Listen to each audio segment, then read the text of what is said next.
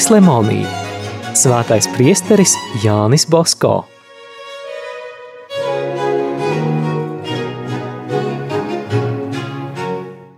Par šo Jāņa Bosko ceļojumu daudz zina pastāstīt priesteris Kaljēro.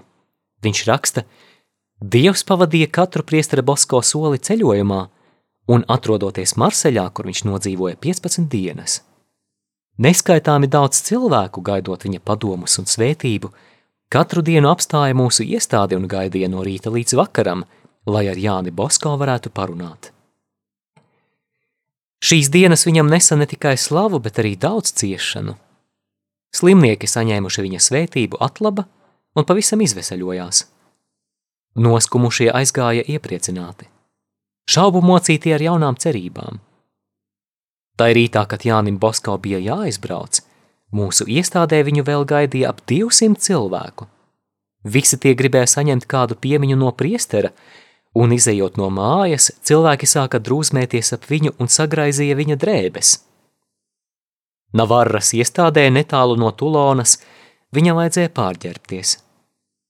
Šā tā dzīvi izspraukušies no pūļa, abi iesēdāmies pajūgā un rikšos devāmies uz Obaņī. Abi bijām apjukuši un neko nerunājām. Tikai jau pilsētas nomalē esot Jānis Bosko piepilda. Cik spēcīgs ir Dievs! Cik žēlsirdīgs un labs! Ja jau vienkārša beku ganiņa dēļ rodas tāds satraukums tik daudzos cilvēkos, un ja caur viņa rokām Dievs dara tik daudz brīnumu.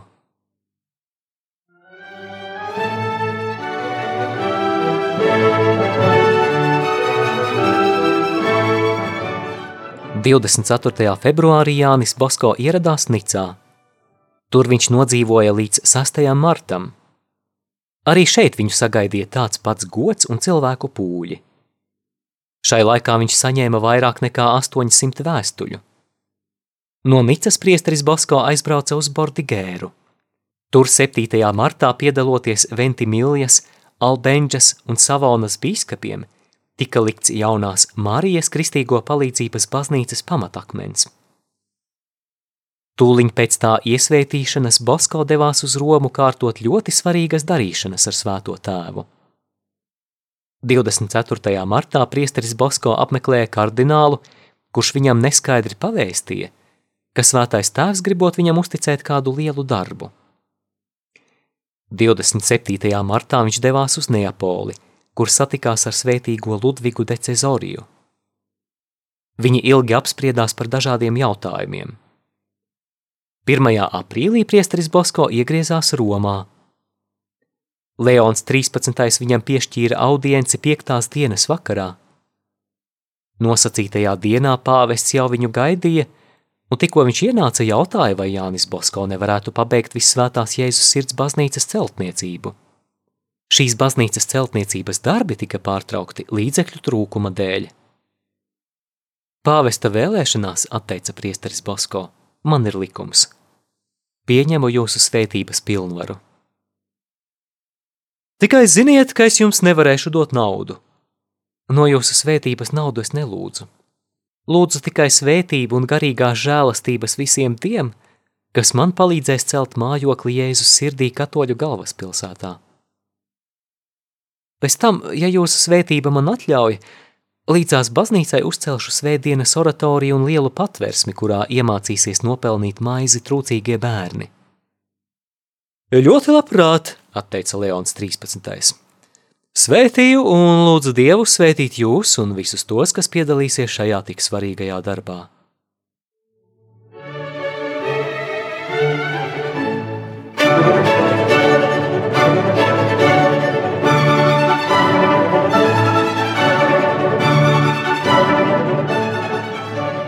Priesteris Bosko pēc audiences bija līksmā noskaņā – Svētā tēva pilnvara bija skaidra, neatspēkojama liecība, ka Kristus vietnieks augstu vērtē viņu un viņa dēlus salīdzjāņus. Zinām, šī pilnvara bija smaga nasta, bet pāvesta uzlikta tā priesterim Bosko tāda nelikās. Turīnā viņš atgriezās 7. maijā, pēc četriem mēnešiem, kopš viņš bija no oratorijas aizbraucis. Tā paša mēneša 11. dienā ieradās grupa ticīgo no Francijas, lai viņu redzētu. Vēl vairāk cilvēku saplūda Valdoko Marijas kristīgo palīdzības svētkos. Bet tajā pat gadā, kad Dievs dažādi savu kalpu pagodināja, Dieva un baznīcas pretinieki pret Jāni Bosko rīkojās ļoti nekrietni. Kāds bijušais Bosko audzēknis atnāca un raudādams stāstīja, ka viņš gandrīz ar varu ievilkts masonu rindās un izraudzīts, lai viņu savu skolotāju nogalinātu. Ja tas viņam neizdotos, tam pašam mērķim esot izraudzīti vēl citi 11. Priesteris Bosko viņu apsēdināja, mierināja un lūdza visu to vēsi pārdomāt un meklēt izēju. Nelaimīgais piecēlās, izskrēja ārā un pēc dažām dienām gribēja pado upē noslīcināties, bet divi sargi viņu izglāba.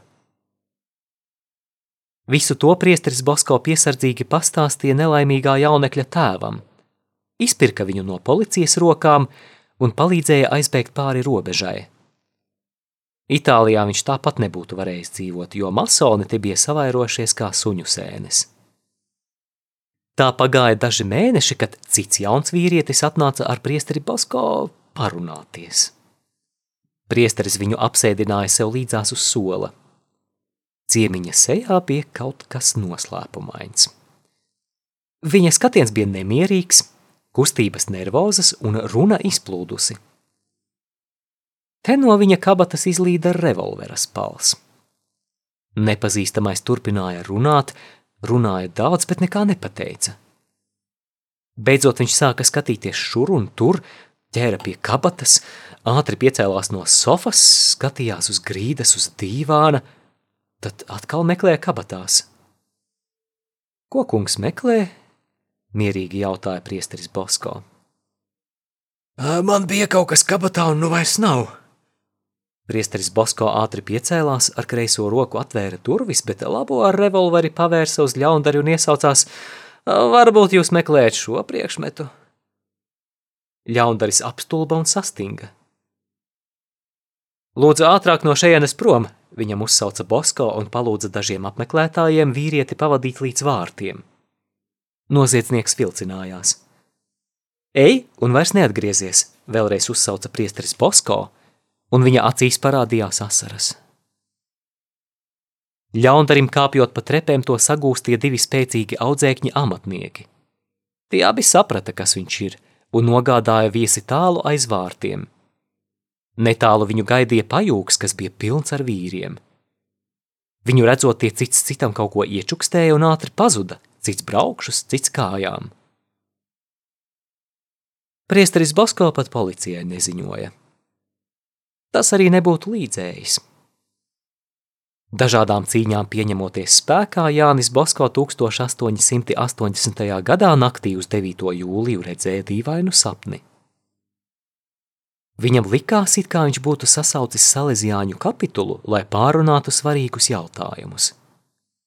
Kad viņš sāka ar tiem runāt, apmācās debesis, sāka zibeņot, dārdināja pērkons.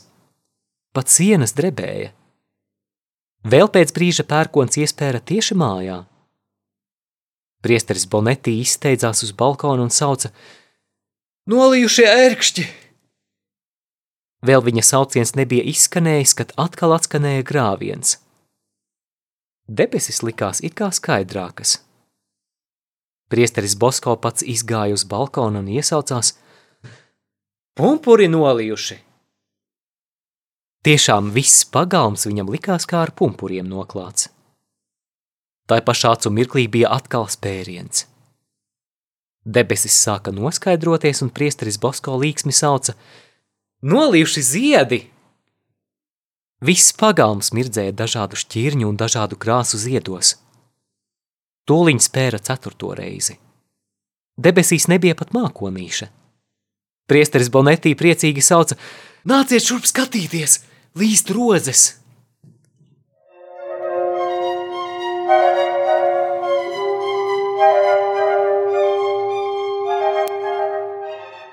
Izgājuši visi redzēja krītam rozes. Viss gaiss no tām smaržoja. Beidzot nopūtās priesteris Bosko.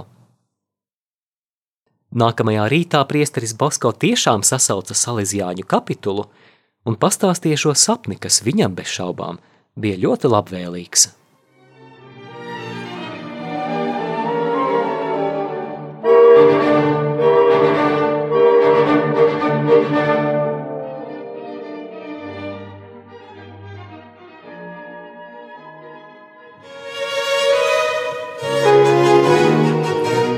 Izskanēja lasījums no Jāņa Lemonija grāmatas Svētais priesteris Jānis Bosko.